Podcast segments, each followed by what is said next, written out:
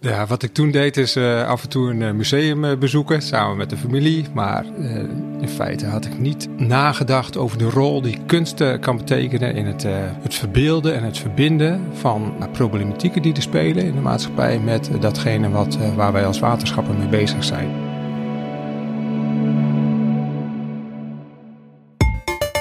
Welkom bij Wij zijn kunstenaar. In deze podcast gaan we op onderzoek uit hoe en of kunst kan zorgen voor een blijvende verandering. Ik denk dat waar kunstenaars heel goed toe in staat zijn, is om te laten zien van goh, hoe zou die toekomst er dan uit kunnen zien? hoe, zou, hoe kun je de verhalen vertellen en dat verlangen stimuleren naar een toekomst die veel uh, interessanter is? Mijn naam is Diede Vonk en in deze serie spreek ik creatieve makers die onze wereld kritisch bevragen. Ze betrekken bij hun projecten gewone mensen uit de samenleving, zoals jij en ik. Je hebt met elkaar het gesprek nodig. Je moet eh, gaan zoeken naar wat ons bindt in plaats van wat ons scheidt. En daar kan kunst en de IJsselbinale een hele mooie bijdrage aan leveren. Is het een illusie om te denken dat kunst echt iets kan veranderen? Of maken deze projecten daadwerkelijk impact op de makers, deelnemers en de wereld om hen heen? Zijn wij allemaal kunstenaar? Ik eh, ben altijd uit op een soort van netwerk van betekenislagen in een werk. Waarmee de gebruiker aan het denken wordt gezet of invloed heeft op die gebruiker. Dus dat een beeld zich ook meteen goed beklijft op de plek en ook invloed heeft op die plek en ook iets doet met, uh, met de voorbijganger. De initiatieven waarover je zult horen hebben steun gekregen van het Vriendenloterijfonds. Ik hoop dat de makers en deelnemers die ik spreek me kunnen leren hoe zij met kunst een verandering teweeg brengen. Ik ga het ontdekken en neem je graag mee.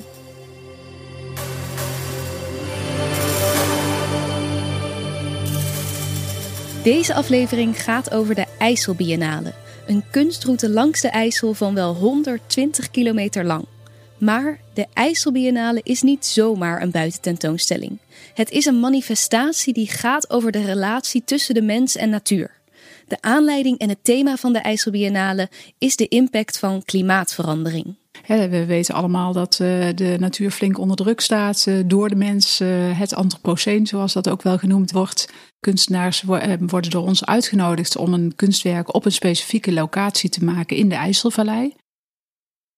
Ik ben heel erg benieuwd hoe kunst in het landschap mensen anders kan laten kijken naar dit grote probleem. Daarom spreek ik af met Mieke Konijn, directeur van de IJsselbiennale.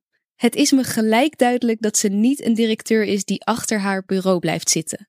Een paar weken eerder stond ze nog midden in de IJssel om een kunstwerk te redden uit het hoge water. S'avonds kregen we een fotootje doorgestuurd van iemand die daar in de buurt was. Uh, en dus fragmenten waren los van elkaar gekomen. En dus uh, ik kreeg dat fotootje binnen. En ik denk, ja, daar moeten we nu gewoon op handelen. Want het water zou die nacht nog 40 centimeter verder stijgen. En dan gaat het harder stromen. En wie weet waar die stukken terecht zouden komen. En wat ze eventueel kapot zouden maken. Ik zei tegen mijn vriend, ja, ik zei, dan ga ik het zelf doen. Ja, het kan niet anders. Het moet nu iets gebeuren. Volgens Mieke is het werk van de kunstenaars die meedoen niet alleen mooi, maar ook prikkelend, onderzoekend en ze agenderen allemaal iets in hun werk. Een van deze kunstenaars is Alfons ter Avest. Uh, ik ben Alfons ter Avest, beeldend kunstenaar. Richt me hoofdzakelijk op de publieke ruimte. Dus ik uh, uh, maak beelden en initieer projecten voor de publieke ruimte, kunstprojecten.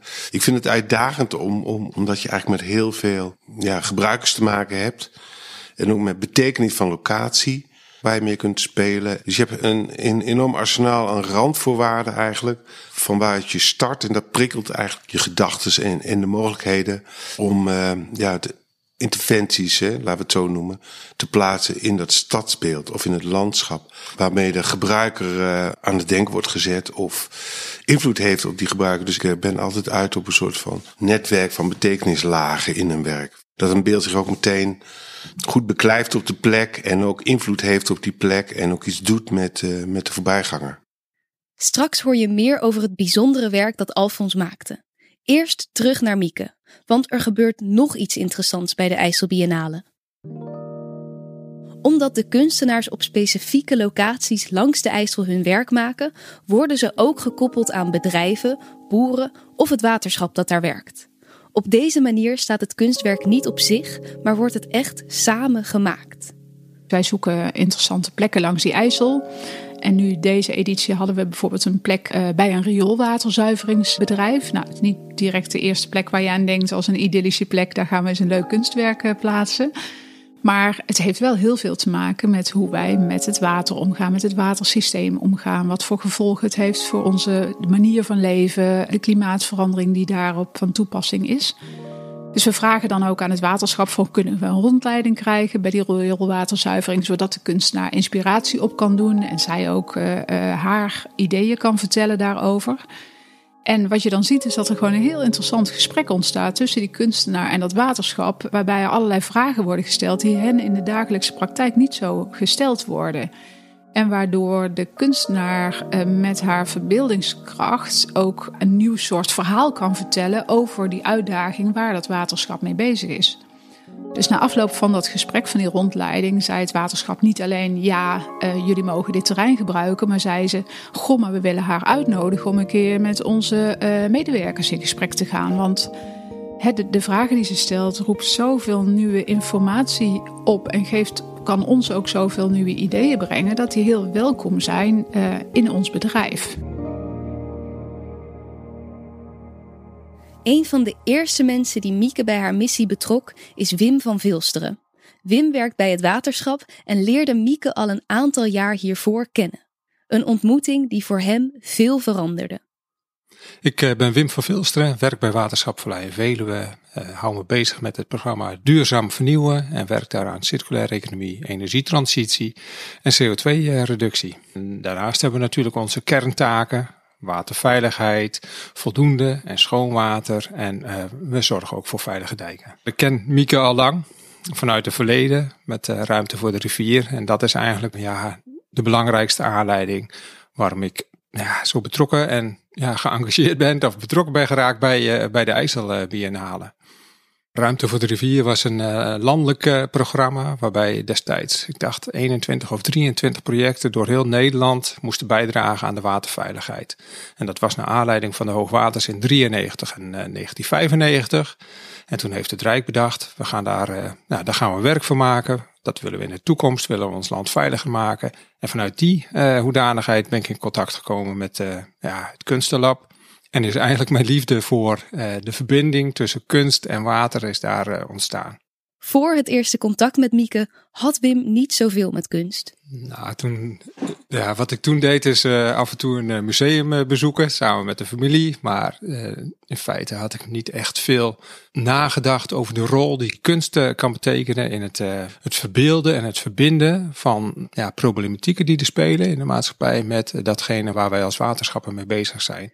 Het lijkt me dat een boer of iemand als Wim die bij het waterschap werkt, genoeg urgente problemen heeft elke dag om mee bezig te zijn. Hoe wordt zo iemand dan opeens enthousiast voor kunst als mogelijke oplossing? Weet je, we zijn allemaal heel erg geneigd om vooral bezig te zijn met oplossingen. Um, eigenlijk allemaal heel erg oplossingsgericht. En kunstenaars zijn dat vaak helemaal niet die, uh, die beginnen eigenlijk zo'n vraag te onderzoeken. Goh, maar waarom stel je die vraag nou eigenlijk? En wat zit daar dan achter? Dus die gaan veel meer terug naar de kern en de essentie van uh, het vraagstuk en van de boodschap. Waardoor er soms ook hele andere oplossingen of andere perspectieven blijken te zijn. Een partij, wie dan ook, of het nu een boer is of een waterschap is of een, uh, een ander soort bedrijf is. Wij weten dat uiteindelijk zo'n contact met de kunstenaar bijna altijd hun eigen manier van kijken verandert. Maar als we daarmee beginnen, als dat de aanleiding is om te zeggen van goh, wij willen dat graag bij jullie teweeg brengen, dus geef ons die ruimte, dan zie je dat um, ze daar vaak een beetje voor terugschrikken. Want ja, we, we zijn al met ons druk met ons eigen bedrijf en dergelijke. Dus wat wij meestal doen is alleen vragen, goh, wil je informatie geven, zodat de kunstenaar inspiratie krijgt. En dat weigert bijna niemand. Dus ik noem het wel eens een beetje de infiltratietactiek. dus het is een soort manier om uh, ja, kunstenaars binnen te krijgen en, en mensen ervoor open te laten stellen. En dan vervolgens zie je bijna altijd dat er wat anders gebeurt dan zij van tevoren gedacht hadden. Toen ik omgevingsmanager was, had ik uh, mezelf ten doel gesteld van eigenlijk wil ik dat gewoon heel Deventer weet wat het belang en de nut en noodzaak is van ruimte voor de rivier. Dus waarom treffen we die maatregelen? En wat het mooie was van eh, de ontmoeting met eh, Mieke, is dat zij uh, samen met kunstenaars dat op een mooie manier verbeeld heeft. Als waterschapper zijn we, ja, de mensen die ons kennen, die hebben vaak ook een belang bij goed waterbeheer. Maar juist degene die, die er niets voor merken, die kun je lastig benaderen. Dat is eigenlijk, dat geldt niet alleen voor de waterschappen, maar geldt voor alles. Het geldt ook voor de klimaatverandering. De mensen die geëngageerd zijn of die intrinsiek gemotiveerd zijn, die bereiken we. Maar hoe bereik je ook de bewoner om de hoek? Nou, en kan daar een rol in spelen. En dat vind ik het grote belang. Dus je bereikt een hele andere doelgroep dan die wij als waterschappen alleen zouden bereiken. Maar ook bedrijven die niet eens weten dat ze meer mensen willen bereiken of hun verhaal willen vertellen, kunnen worden verrast door een samenwerking met een kunstenaar. Ik ben toevallig gisteren bij een theeceremonie geweest. Die hoort bij een, uh, een specifiek kunstwerk. En dat is een kunstwerk van Elmo Vermeijs. En um, wij wilden ook inzoomen op uh, ja, de agrarische sector. Hè, want die heeft een van de grote transities die er noodzakelijk is vanwege klimaatverandering, is ook in de agrarische sector. Bovendien zit er een hoop agrarische eh, bedrijvigheid langs die IJssel. Dus ja, daar wil je het ook over hebben. Dus we hadden een mooi terrein uitgezocht van een boer die op een heel specifieke locatie zit. En gevraagd aan die boer van, goh, zouden jullie het goed vinden als wij een kunstwerk op jullie terrein plaatsen? Nou, daar stonden ze meteen wel voor open. Maar eigenlijk ging het eerste gesprek een beetje over: goh, het is een maisveld. Hoeveel moeten jullie dan hebben om de inkomstenderving? Als daar een kunstwerk komt, dan kan je daar dus geen mais planten. Hoeveel uh, ja, compensatie moet je daarvoor hebben om dat kunstwerk daar te laten plaatsen? Dat was een beetje de insteek van het eerste gesprek. Meer financieel ingestoken. Terwijl toen de kunstenaar eenmaal aan bod kwam. En de kunstenaar die is heel erg bezig met: goh, hoe, kun je nou ook de bodem, uh, de kwaliteit van de bodem verbeteren en dergelijke. En hoe kun je eigenlijk met allerlei materialen die van het land komen iets maken en het daarna ook weer teruggeven aan het land.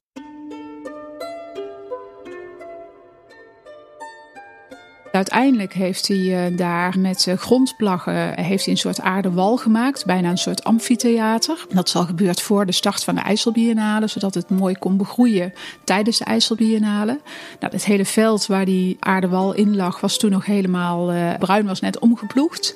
Terwijl nu daar het mais twee meter hoog staat. En hij heeft er door dat veld heen, vanaf het pad, echt een nieuw pad naartoe gelegd. Helemaal bezaaid met bloemen en kruiden, die speciaal daarvoor ingezaaid. En wat bleek toen hij in gesprek ging met de boer, bleek dat uh, er net bezig was met een verandering van het bedrijf van vader op zoon. De vader was wat we dan noemen een gangbare boer, een, uh, een beetje een ouderwetsere boer met uh, ja, nog steeds voor de volle efficiëntie gaan, zoveel mogelijk grond zo goed mogelijk kunnen gebruiken. En de zoon wil biologisch boeren. Dus wat je nu ziet is dat dat kunstwerk gaat eigenlijk heel erg over die transitie van vader op zoon, de transitie van dat bedrijf. En uh, die, die grondplaggen die nemen CO2 op, dus dat is heel erg goed. En die kruiden en die bloemen die daar gezaaid zijn, heel goed voor de biodiversiteit. Hè. Daardoor komen er veel meer insecten en dergelijke. Is er minder bemesting nodig? Ja, eigenlijk wordt het die overgang wordt gevierd met een theeceremonie, een Japanse traditionele theeceremonie. En wordt er dus tegenzet met die kruiden en die bloemen die daar gezaaid zijn. En het mooie is dat, ik was daar gisteren bij, dat ook de vrouw van de boer erbij was. En zij zei, zij zei zelf, ik vind het zo mooi dat het, het gaat over tijd. En het gaat ook over de tijd die de bodem nodig heeft en de thee nodig heeft om te trekken. De aandacht die dat vergt en ook de aandacht die wij vaak niet meer hebben voor ons eten bijvoorbeeld. Uiteindelijk heeft dat boerenbedrijf heeft dat kunstwerk volledig omarmd. En ze zeggen nu, ja, maar dit gaat over ons bedrijf. Nee, jullie hoeven niet te betalen voor compensatie. Nee, we willen midden in het veld. Mag nog meer ruimte in beslag nemen. En ze zeggen, ja, het is voor ons ook een manier om ons verhaal te vertellen. Nu komen er allerlei mensen die normaal nooit op ons terrein komen. Hè, die horen opeens dat verhaal en die zien wat er allemaal ja, bij komt kijken. Dus dat is een van de kunstwerken en wat het dan oplevert. Eh, zowel voor het bedrijf, de eigenaar van de grond, als voor het publiek. Ook Wim maakte iets bijzonders mee bij deze IJsselbiennale. Omdat de biennale vorig jaar niet door kon gaan, maar de makers toch iets wilden doen, werd er een podcast gemaakt. Ontmoetingen bij de Wilg. Twee verschillende mensen, onbekenden van elkaar, werden aan elkaar gekoppeld. Wim ontmoette daar kunstenaar Li An Poa. Weer een ontmoeting met grote gevolgen. Lian is uh, een dame die een missie gestart is om drinkbare rivieren te realiseren. En ze heeft ooit op de Rupert in Canada gevaren met de inheemse bevolking. En daar had ze de ervaring dat je zo met je handen uit, het, uit de rivier het water kon drinken.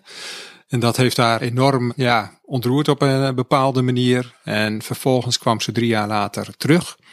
En toen was dat niet meer mogelijk. Omdat er toen uh, door bauxietwinning uh, de hele rivier verontreinigd uh, was geraakt. Ik drie jaar geleden is van de bron tot de monding van de Maas gewandeld. En daar heeft ze ja, een burgemeestersnetwerk opgezet. De problematiek van de Maas erkennen, maar ook met elkaar gaan nadenken van hoe kunnen we daar iets aan doen. Uh, mensen die elkaar eerder niet spraken, en dat is het mooie van dat verbindende van wat ze doet.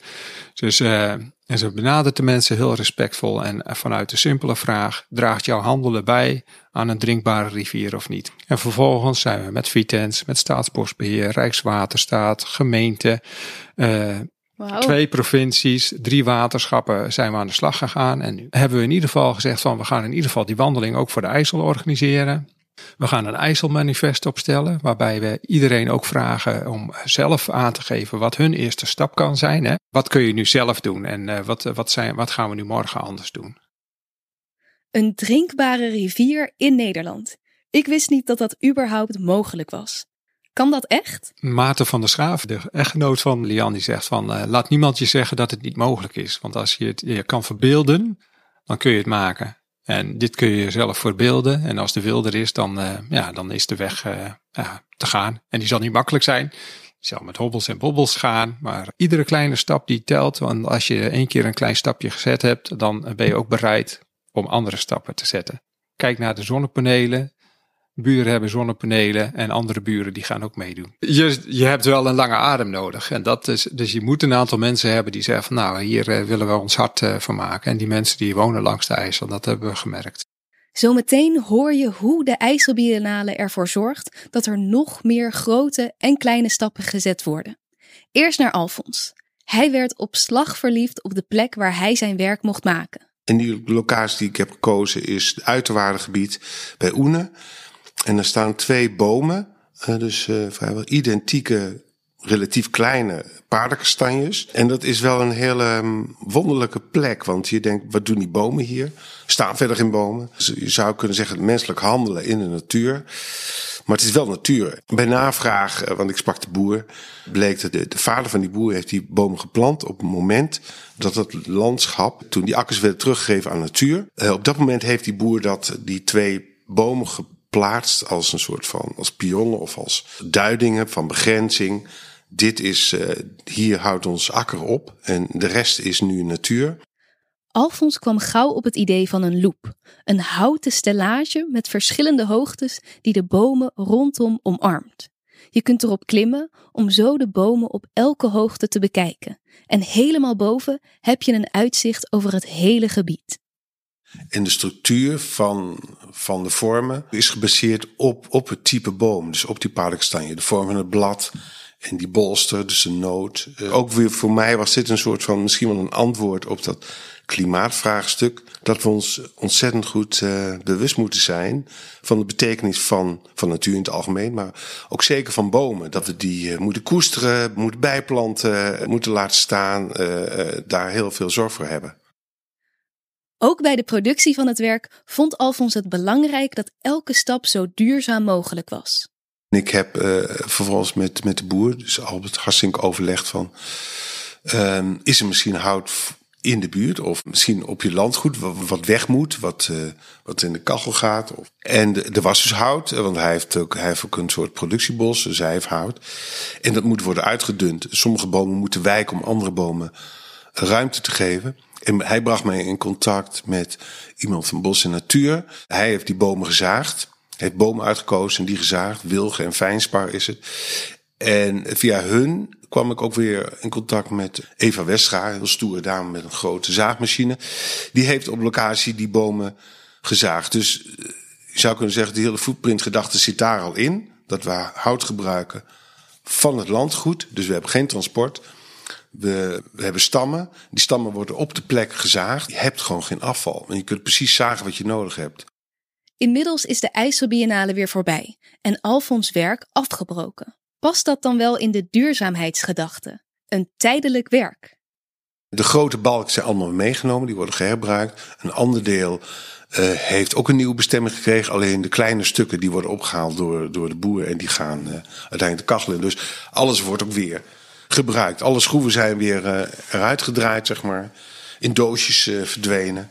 Dus die zijn allemaal te herbruiken. Dus eigenlijk, ik heb wel een goed gevoel over het feit dat dit een beeld is geweest. En toen het beeld weg moest, resteert materiaal wat gewoon bruikbaar is, herbruikbaar is. Ik vind die tijdelijkheid ook prima. Kracht van tijdelijkheid, dus dat het ook voor, voor een, in, in een bepaald tijdvak present is. En daarna is het ook weer weg. Allemaal mooie voorbeelden van goede samenwerkingen. Maar met 27 kunstenaars was ik ook wel benieuwd of er momenten waren waar het niet helemaal klikte met bedrijf en kunstenaar.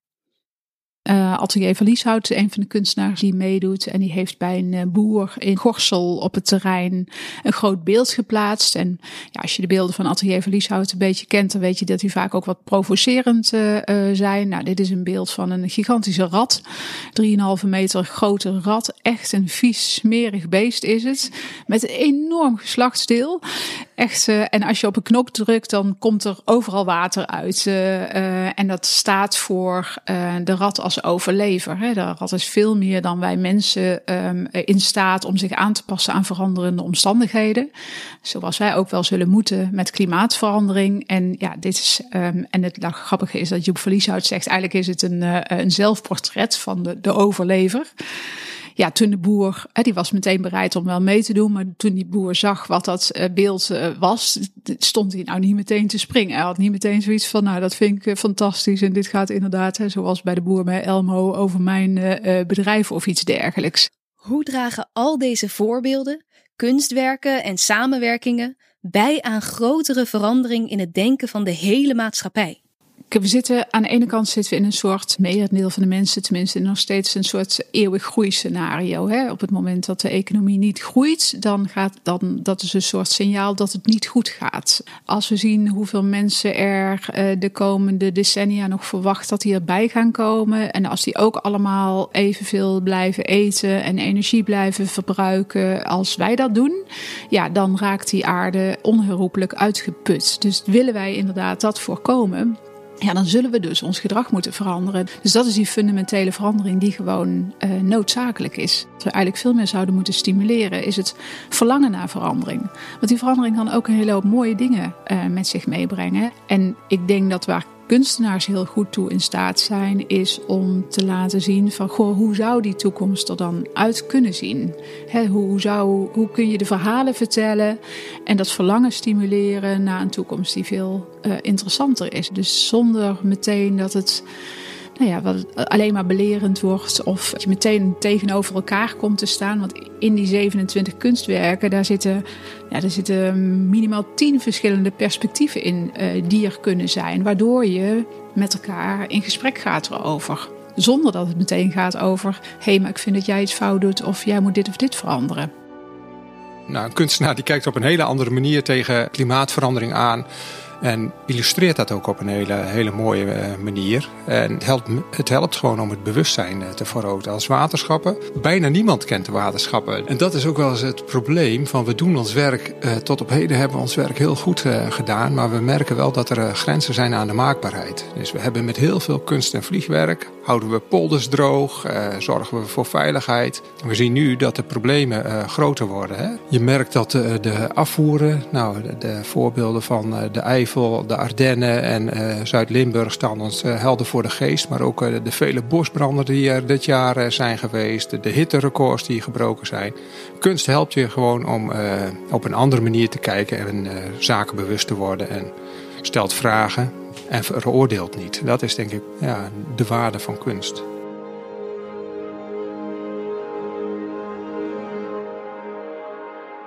Hoe is de visie van kunstenaar Alfons hierop? Ik heb echt oprecht enorm vertrouwen in dat de, de generatie, misschien de generatie van nu, maar zeker de komende generatie, dat klimaatvraagstuk gaat tackelen. Omdat ze in staat zijn om, om er anders in te staan. Dat Hoe, komt het dat jij hier zo uh, positief ingestemd bent? Ja, dat is ook wel een goede vraag. Ik denk dat er, dat, dat um, aan de ene kant is het natuurlijk wel iets waar, waar waarschijnlijk wetenschappers, waarschijnlijk met zekerheid wetenschappers al, al twintig jaar geleden voor hebben gewaarschuwd. Het is bovendien ook iets wat heel goed uit te leggen is. Het is gewoon zo. Mensen zijn over het algemeen flexibel genoeg. En laten we ook aannemen, verstandig genoeg om daarin uh, keuzes te maken en die beslissing gewoon mee te nemen in hun leefgedrag. Want dat is namelijk wat het is. Die overdaad is, dat is geen garantie voor geluk eigenlijk. Dus als die overdaad minder wordt, dan kan het geluk, uh, dat is even goed aanwezig. De IJsselbiennale maakte Alfons ook duidelijk hoe hij zelf nog meer kan bijdragen. Ik heb een hekel aan verspilling. Maar ik denk nu ook echt, uh, dat, daar kan nog een tandje bij. Dat, dat, je, dat dat nog serieus kan. En ik denk wel dat ik daar nog steeds, dat ik me daar nog meer rekenschap van geef. Zou best kunnen betekenen dat het daardoor aan de andere kant van de lijn uh, misschien soms iets minder begrepen wordt. Hè? Dat kan best betekenen dat je dus heel veel opdrachten niet krijgt. Als aan de kant van de opdrachtgeverschap dat ze dat niet zien zitten. En, maar dat is gewoon een consequentie. En dan, dan zou ik dat gewoon verliefd nemen, denk ik. Ja. Hoe reageren bezoekers van de IJsselbiennale? Lokt het uit tot meer gesprek? Ja, wat we zien is dat dat gesprek inderdaad gevoerd wordt. Hè? Dat uh, mensen een gesprek gaan voeren over die aspecten van klimaatverandering zonder dat per se dat woord uh, genoemd hoeft te worden, maar wel die relatie tussen de mens en natuur. En dat daardoor ook de blik verandert. En, en je ziet ook dat mensen gewoon simpelweg genieten. Genieten van buiten zijn, uh, genieten van een mooie fietstocht door een mooi landschap en interessante kunstwerken tegen te komen. Maar met name daar die gesprekken, ja, dat zal je niet verbazen, die gesprekken waar je inderdaad ziet van, uh, oh, maar goh, zo heb ik er eigenlijk nog nooit naar gekeken. Als je mensen dus zo op zo'n manier kan raken en dat terug hoort, ja, dat, dat doet me heel goed. Ja. Er zullen ook mensen zijn die misschien langs fietsen en denken, ziet er mooi uit, maar verder niet een idee hebben over het hele proces wat daarachter zit. Vind je dat wel eens jammer? Of? Ja, die mensen zijn dan natuurlijk ook, uh, dat komt ook, we hebben kunstwerken staan op plekken die heel erg openbaar zijn. Er staat bijvoorbeeld een kunstwerk van een, uh, een wasstraat. Heeft de Duitse kunstenaar Alexander Laner op een uh, soort podium gezet, op een soort sokkel gezet, vlakbij het pontje van Weijen. Ja, daar zie je inderdaad dat sommige mensen denken, wat doet die wasstraat in hemelsnaam hier? Uh, je ziet ook dat het een zelf of een selfie hotspot is geworden, omdat het gewoon een maf ding op een maffe plek is.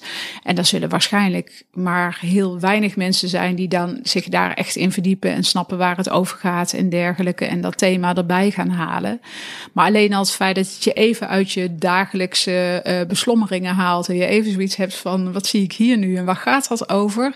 Ja, ook dat is al iets waar um, wat ik fijn vind dat kunst dat kan bereiken. En als dan daar een percentage van daardoor getriggerd wordt en wel weer wat verder um, zich erin verdiept, dat is mooi. Maar er worden nog meer stappen gezet om mensen in beweging te krijgen. Naast de kunstroute is er een uitgebreid activiteitenprogramma en de IJsselbiennale wordt afgesloten met een IJsselcongres.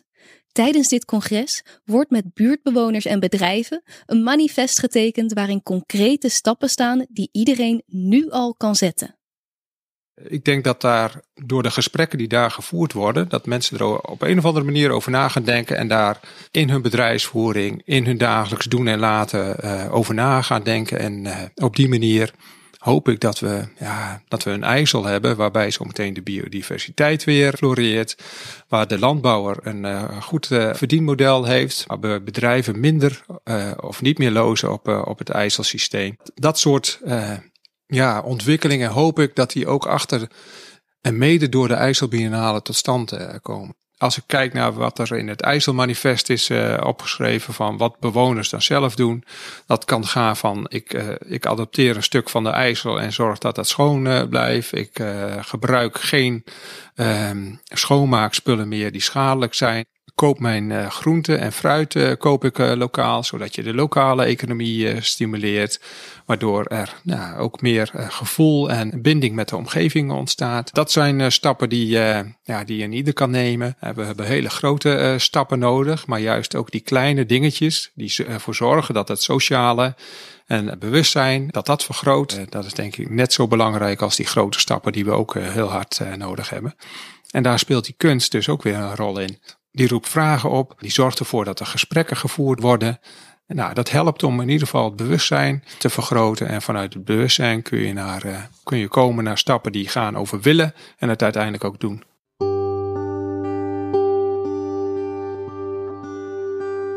Ik ben onder de indruk van de bevlogenheid en energie die in dit project zit. Zelf word ik wel eens moedeloos als ik denk aan hoeveel er nog gevlogen wordt en hoe slecht de klimaatrapporten eruit zien. Hebben zij hier geen last van? Ja, natuurlijk wil je wel eens een enkele keer moedeloos, maar ik ben gelukkig een redelijk uh, positief uh, ingesteld mens, redelijk optimistisch. En wat ik vooral zie, en, en, dat vind ik ook echt heel erg mooi aan, en dat is niet iets wat ik verwacht had van tevoren van de IJsselbiennale, is dat het ook door al die andere samenwerkingspartners, hè, die we er dus bij betrokken hebben. En dan hebben we het over 13 gemeentes, drie waterschappen, twee provincies, Rijkswaterstaat. Die zien eigenlijk die IJsselbiennale als een manier om um, een soort platform om het er met elkaar over te hebben, zonder dat ze meteen in hun eigen belangen en met de hakken in het zand hoeven te schieten. Heel vaak als een waterschap samenwerkt met een provincie of wat dan ook, dan gaat het meteen over een heel specifiek project. Iets heel specifieks wat je gaat doen, waarin je soms gelijke belangen, maar soms ook niet hebt. En, en dit is eigenlijk een soort onafhankelijk en belangeloos platform waarop die samenwerking veel makkelijker tot stand komt. En er ontstonden allerlei nieuwe samenwerkingsverbanden. Dus niet alleen interessante projecten, maar ook samenwerking tussen mensen vanuit het noorden en het zuiden van de IJsselvallei. Ja, en dat is wat je ook wil bereiken. Dus dat ja, die verbindende factor zijn. Uit angst voor het antwoord durf ik het bijna niet, maar ik stel toch ook de vraag aan Wim. Heeft dit allemaal zin? Is hij hoopvol over de toekomst? Eigenlijk, ja, ik ben eigenlijk altijd wel iemand die positief is. Maar als ik zie wat uh, in het laatste IPC-rapport uh, staat over klimaatverandering, het, het, feit dat we dreigen tipping points te passeren, en dan met tipping points, dat, daarvan zegt het KNMI, door het smelten van de ijskappen gaat die zeespiegel nog versneld stijgen. Door het versmelten van de ijskappen zorg je ook dat het albedo-effect, dus het weerkaatsing van licht uh, afneemt, waardoor de aarde nog weer sneller opwarmt, waardoor permafrost uh, dooit. Uh, nou, en dat is best wel bedreigend. Dus het is echt wel, ja, je moet leiderschap en lef hebben om die verandering in gang te zetten. Maar ben je hoopvol? Als je kijkt naar wat Tata Steel bijvoorbeeld nu onder druk van de bevolking aan het veranderen is, dan gaat dat ook andere bedrijven over de streep uh, trekken. En je hebt een overheid nodig die ook gewoon die richting aangeeft en die daar bedrijven in ondersteunt. Daar ben ik van overtuigd. Je kan niet van vandaag of morgen uh, dingen veranderen, maar je kan daar wel uh, met elkaar afspraken over maken. Daar gaan ook Misschien niet in dergelijke grote stappen, maar wel wat ik bedoelde van je hebt kleine veranderingen nodig. Je hebt met elkaar het gesprek nodig. Je moet uh, gaan zoeken naar wat ons bindt in plaats van wat ons scheidt. En daar kan kunst en de IJsselbinale een hele mooie bijdrage aan leveren. Dank voor het luisteren naar deze aflevering. Ik neem ook dit keer weer een hele hoop lessen mee. Met name dat al die kleine stappen, die soms misschien zinloos voelen, allemaal bij elkaar voor een grote verandering kunnen zorgen. Zoals Wim zei, met jouw zonnepanelen of groene dak inspireer je misschien weer een buurman. En ook bedrijven zullen steeds vaker onder druk van burgers andere keuzes moeten maken. Wat Alfons zei blijft me ook bij. Echt gaan staan voor het werken op een duurzame manier en het voor lief nemen als dit betekent dat sommige opdrachtgevers dan niet meer met je willen werken. Als je zo duidelijk voor je eigen principes gaat staan, kan dit geen verkeerde keuze zijn. En waarschijnlijk trek je er anderen ook juist weer mee aan. Ik vind het geweldig hoe Mieke al die verschillende partijen met elkaar in gesprek krijgt. Het is duidelijk dat we elkaar nodig hebben. En samen kan er een hele hoop gebeuren. Dit was Wij zijn kunstenaar, een podcast van het Vriendenloterijfonds. De volgende aflevering gaat over Revolt, een theaterproject van choreograaf Cecilia Moisio. Cecilia ging met groepen jongeren in heel het land op onderzoek naar protest en activisme. Ze werkt met ze aan kritisch denken en niet altijd meegaan met wat als norm wordt gezien. Generatie Z wil graag alles verbeteren wat hun voorgangers verpest hebben, maar vechten ook tegen een muur van oude idealen. Ze dragen een hele grote verantwoordelijkheid, maar wanneer wordt dit te veel voor één generatie? En waar moet je beginnen als individu om verschil te maken? Dat hoor je in de volgende aflevering. Tot dan! Dit was Wij zijn kunstenaar. We hopen dat je het een interessante aflevering vond. Abonneer je op de podcast om onze aankomende afleveringen niet te missen. Ook zou je ons enorm helpen door een recensie achter te laten of de podcast aan te raden aan een bekende. In deze aflevering sprak ik Mieke Konijn, Wim van Vilsteren en Alfons ter Avest. Alle muziek uit deze aflevering werd gemaakt door David Schwartz. Het audiodesign werd verzorgd door Sonja Vos en de editing en presentatie door mij, Diede Vonk. Deze podcast is een productie van de Makers Podcast. De IJsselbiennale kon plaatsvinden mede door steun van het Vriendenloterijfonds. Meer weten over de mooie projecten die zij ondersteunen? Ga naar vriendenloterijfonds.nl